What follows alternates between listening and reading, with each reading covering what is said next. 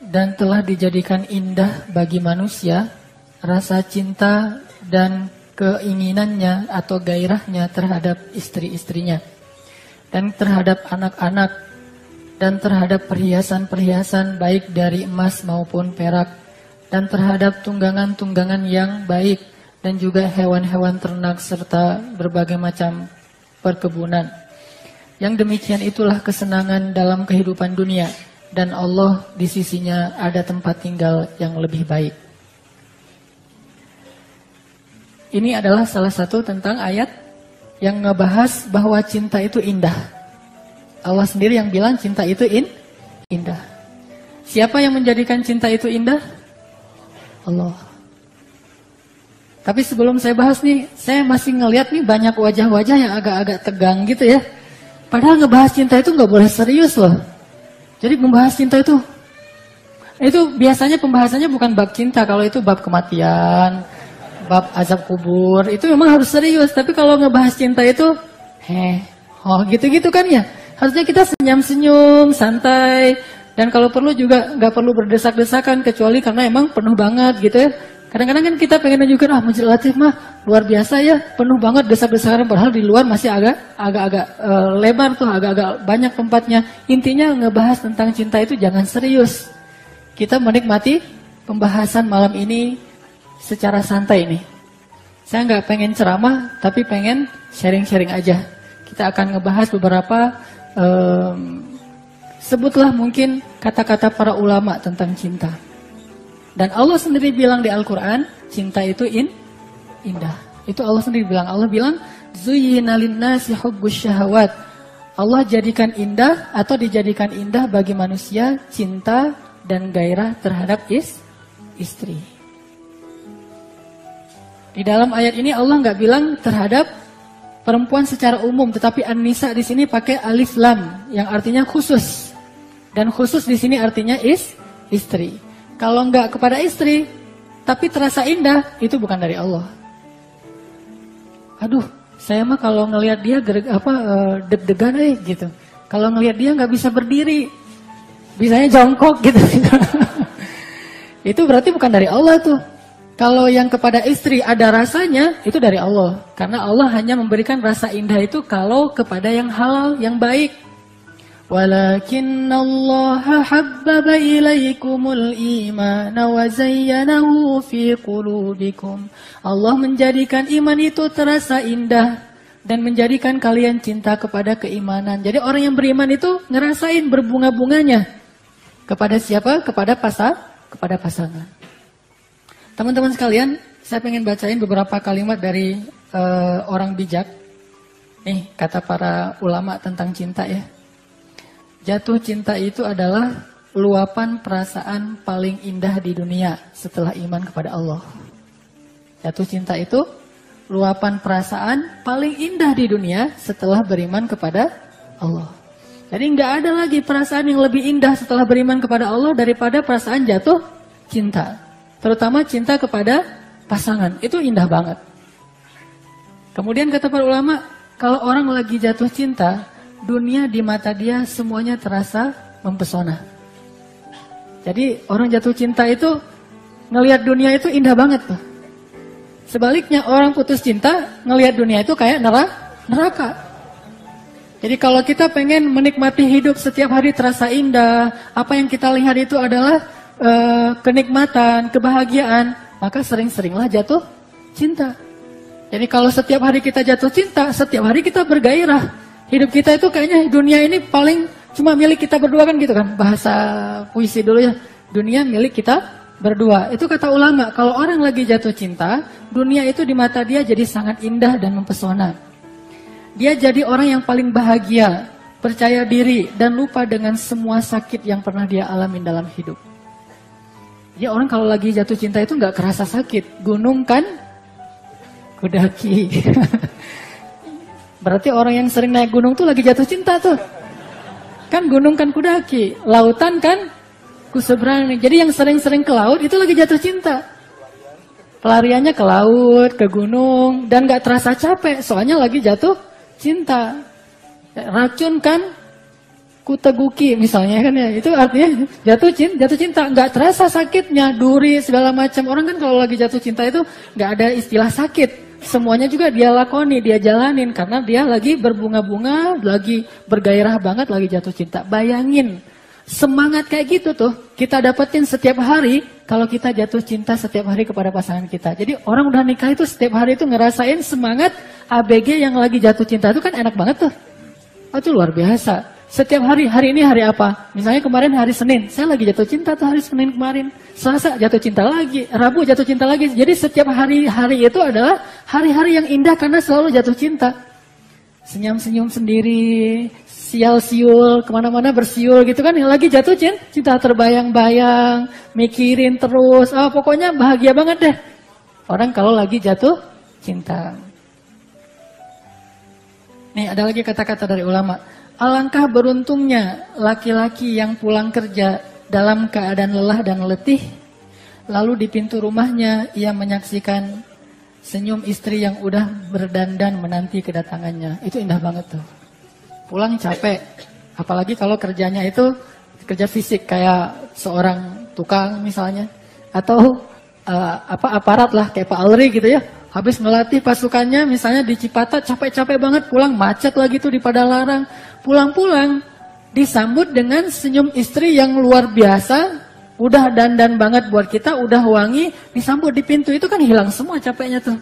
Kalau kita lagi jatuh cinta sama kayak kita malam mingguan nih, ketemu dengan uh, dalam tanda petik dalam, dalam tanda petik itu pacar kita gitu.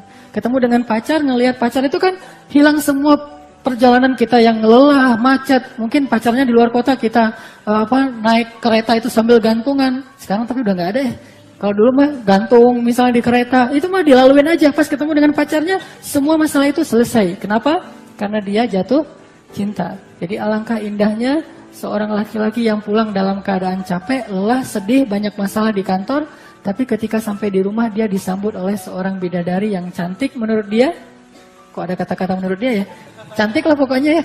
Cantik, tersenyum, dan, dan udah dandan men, e, menyambut kedatangan suami tercinta. Itu indah banget. Terus apa lagi kata para ulama? Banyak lagu, puisi, buku, film, filsafat, dan bahasa yang dibuat untuk menjelaskan makna cinta. Ini saking pentingnya cinta dalam kehidupan manusia tuh, coba lihat uh, perhatiin lagu-lagu kita kan hampir semuanya ngomongin masalah cinta. Bahkan nasyid juga ujung-ujungnya ngomongin masalah cinta. Yang dulunya nasihat tuh masih ngomongin nasihat-nasihat, tapi lama kelamaan jadi ngomongin cinta. Ceramah juga gitu. Ceramah awalnya ngomong tentang rijal, jihad, eh cinta sekarang jadi. Saking pentingnya cinta, karena anim, animonya tuh tinggi banget soal cinta mah.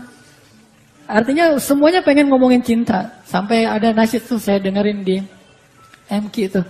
Uh, apa? Aisyah telah pergi, pergi meninggalkanku. Jadi kesannya tuh soleh gitu ya. Kesannya itu lagu apa eh, syair-syair nasyid karena ada kata-kata A, Aisyah. Tapi sebetulnya ditinggalin tuh.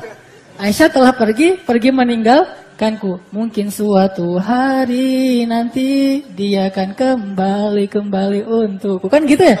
Jadi cinta banget gitu. Jadi intinya itu juga sih sebetulnya. Cuma bahasanya kalau yang tadi namanya mungkin uh, apa uh, siapalah namanya si uh, apa sih kalau cewek yang bukan nama-nama Islam? Saya emang nggak banyak hafal nama-nama cewek soalnya. Yes. kalau yang Islam kan Fatimah, Aisyah, gitu-gitu dah ya.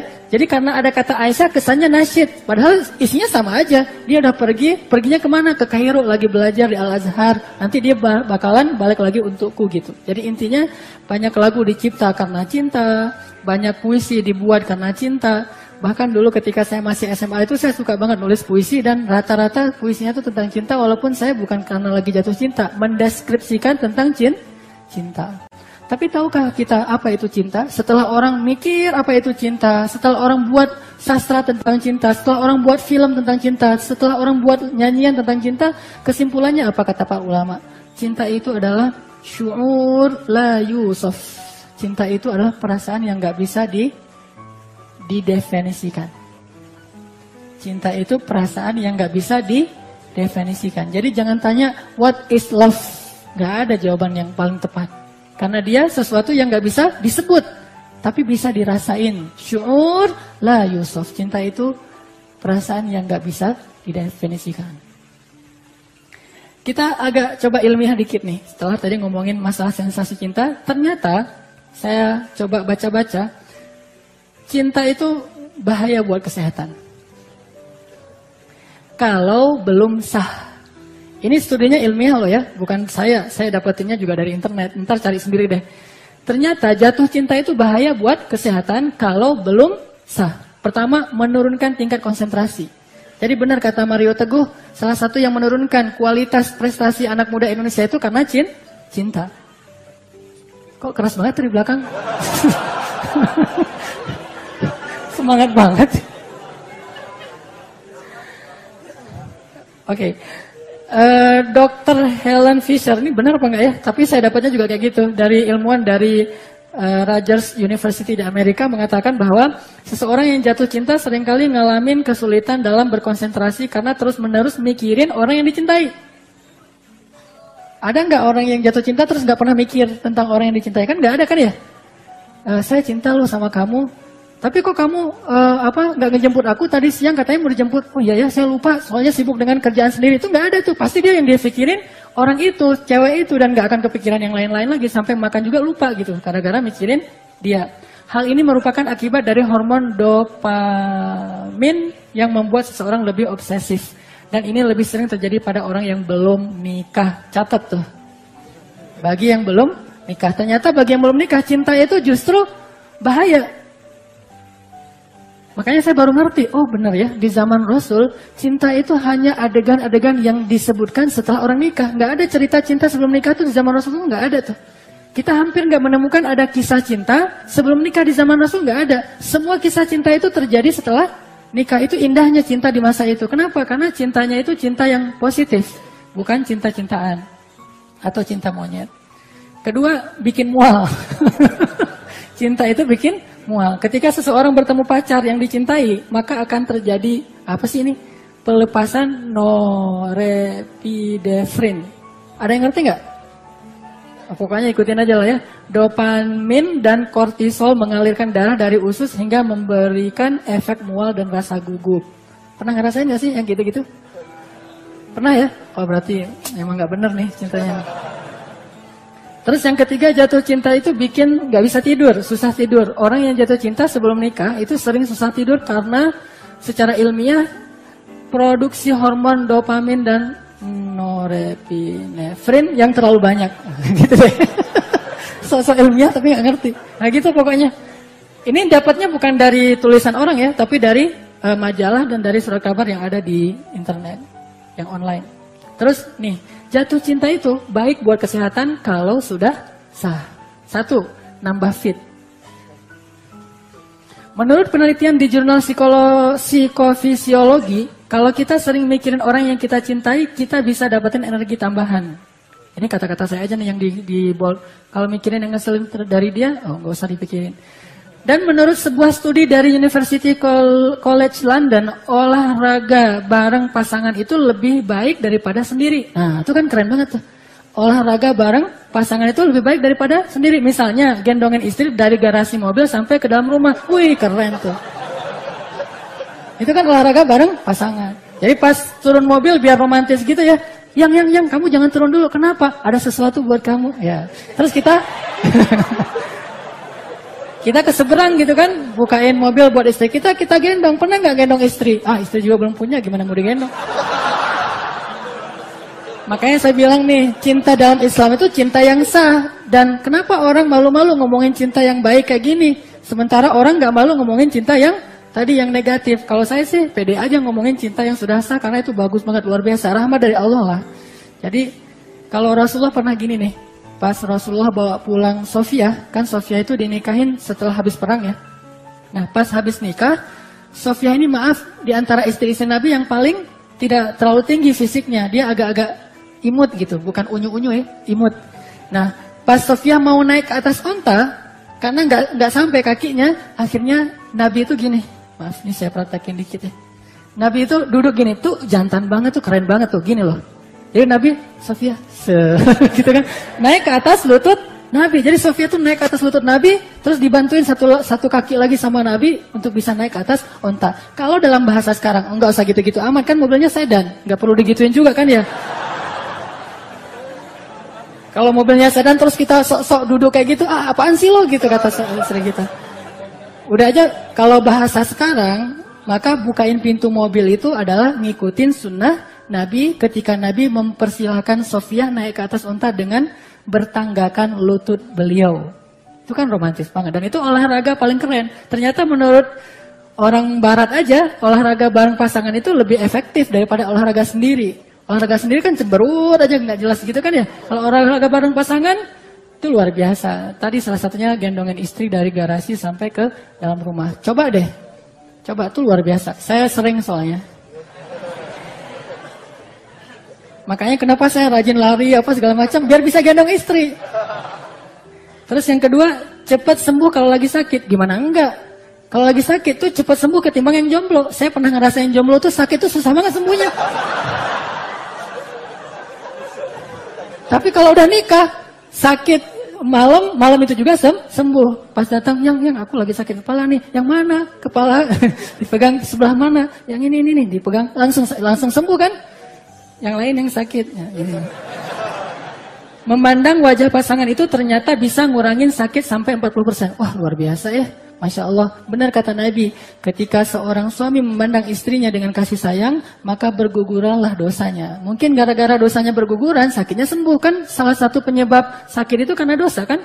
Jadi pas memandang wajah istri itu, dosa kita berguguran 40%. Dosa kita. Lalu ketika istri balas memandang, dengan senyumannya, lalu istri datang ke kamar, maka itu berguguran lagi dosa. Lalu ketika mereka tutup pintu, gugur lagi itu dosa. Ketika titik-titik-titik, itu semua dosa itu gugur. Luar biasa ya. Islam sampai ke sana ngebahas luar biasa. Jadi bukan hanya masalah uh, have fun, apa senang-senang, tetapi ternyata ada hubungannya dengan tadi uh, labelnya itu syariat banget gitu. Menurut studi di plus one. Alasannya memandang wajah orang yang dicintai itu bisa mengaktifkan pusat reward di otak yang dapat memicu pelepasan opioid alami. Yang di bawahnya nggak usah dibaca. Oke, okay? apa tadi? Cepat nyembuhin sa sakit. Hanya dengan melihat wajah pasangan. Sama kayak seorang ayah yang capek banget, tapi terus pas pulang ke rumah ngelihat wajah anaknya yang paling dia cintai kan? Itu kan langsung uh, hilang capeknya dan saya ngerasain banget kalau saya lagi capek pulang terus uh, ngelihat Mutia atau ngelihat Yahya, apalagi bisa main-main sama Yahya walaupun capek, itu hilang semua masalah gitu. Karena cinta banget kepada anak, begitu juga kepada pasangan. Terus terhindar dari serangan jantung tuh. Luar biasa cinta bisa menghindari dari serangan jantung. Orang yang sedang jatuh cinta sering senyum-senyum sendiri dan berbunga-bunga. Nah itu bagus banget tuh buat ngurangin tekanan darah dan anti stres. Menurut hasil dari penelitian di titik-titik-titik itu baca sendiri, duduk lama-lama dekat kekasih itu bisa nurunin tekanan darah. Bayangin dalam penelitian lain ditemukan kalau orang yang udah nikah sering menghabiskan waktu bersama itu 12% lebih aman dari serangan jantung dibandingkan yang masih jomblo. Orang yang udah nikah 12% lebih aman dari yang masih jomblo dari serangan jantung. Tapi dengan syarat kalau nikah terus sering di luar rumah, ya nggak berkurang juga e, resikonya. Tapi kalau nikah seneng bareng, kayak misalnya saya tuh suka kalau ngajar itu disamain jadwal ngajar saya dengan jadwal ngajar.